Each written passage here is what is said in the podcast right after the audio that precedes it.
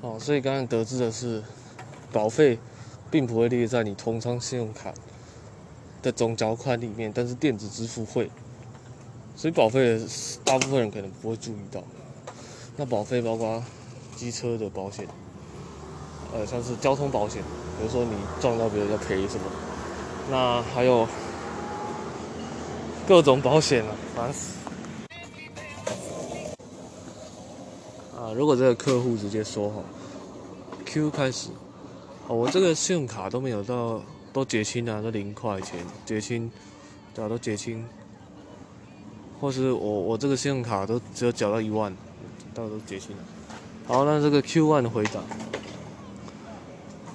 所以你目前都没有保险费用的分期，或是购物的分期吗？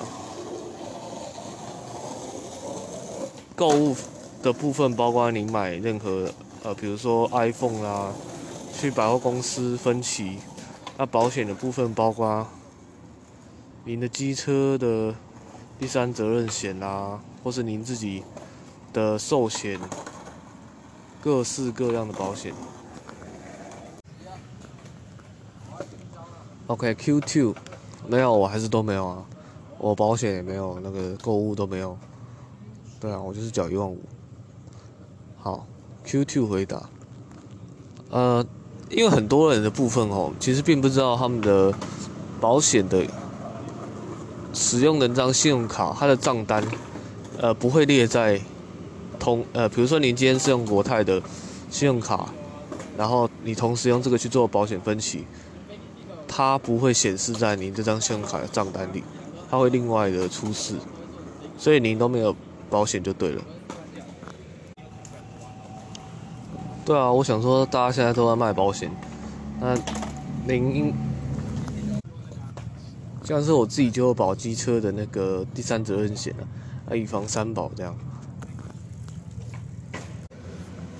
没有啦，就说保险都没有啊，购物也没有啊。可以啊，还有什么事吗？这是 Q three，Q three 回答。哦，了解。那你目前呃的消费消费金额的部分，您目前用信用卡刷卡也都不会超过两万，包括您的电子支付绑定的部分，像是悠游卡、一卡通啊这些刷一刷，呃都没都没有超过到两万吗？因为大部分人其实大都会到两万了，只是他们可能不太不太会发现这一点。就是你所有的信用卡加起来，Q three 回答，呃 Q four 没有啊，我都刷卡刷个五千一万而已，怎么可能会到两万呢？对啊，啊那我先挂喽。再耽误您三十秒就好了，所以您目前的部分哦，就是您的，像是我本身用的信用卡，我也是随便刷，比如说一卡通它来配刷一刷，结果账单有时候还会到每个月平均啊，因为有时候我可能每个月刷个两万，但是然后像是我绑定来配啊，然后去 seven 各个东西临时买一买。其实都已经，我每个月看我 Seven 的那个账单，电子账单都有到一万，对啊，然后还有一些卡通什么的，我我的话就是把一般消费都绑在信用卡的来配了，还有一些电子支付这样，接接口啊什么，对啊，所以您是都没有绑定这些东西吗？Q Five 没有啊，这些都没有，我都没有在用这些东西。或是说，哎，没没有，我每个月大概也才刷个五千一万啊，就稍微刷一下，也不会说一直刷这样。嘿，就跟你讲是一万五了啊，对啊，我很确定是一万五啊。啊，还有什么事吗？不然我还先去忙了嘞。Q Five 回答，OK，再耽误你十五秒就好了。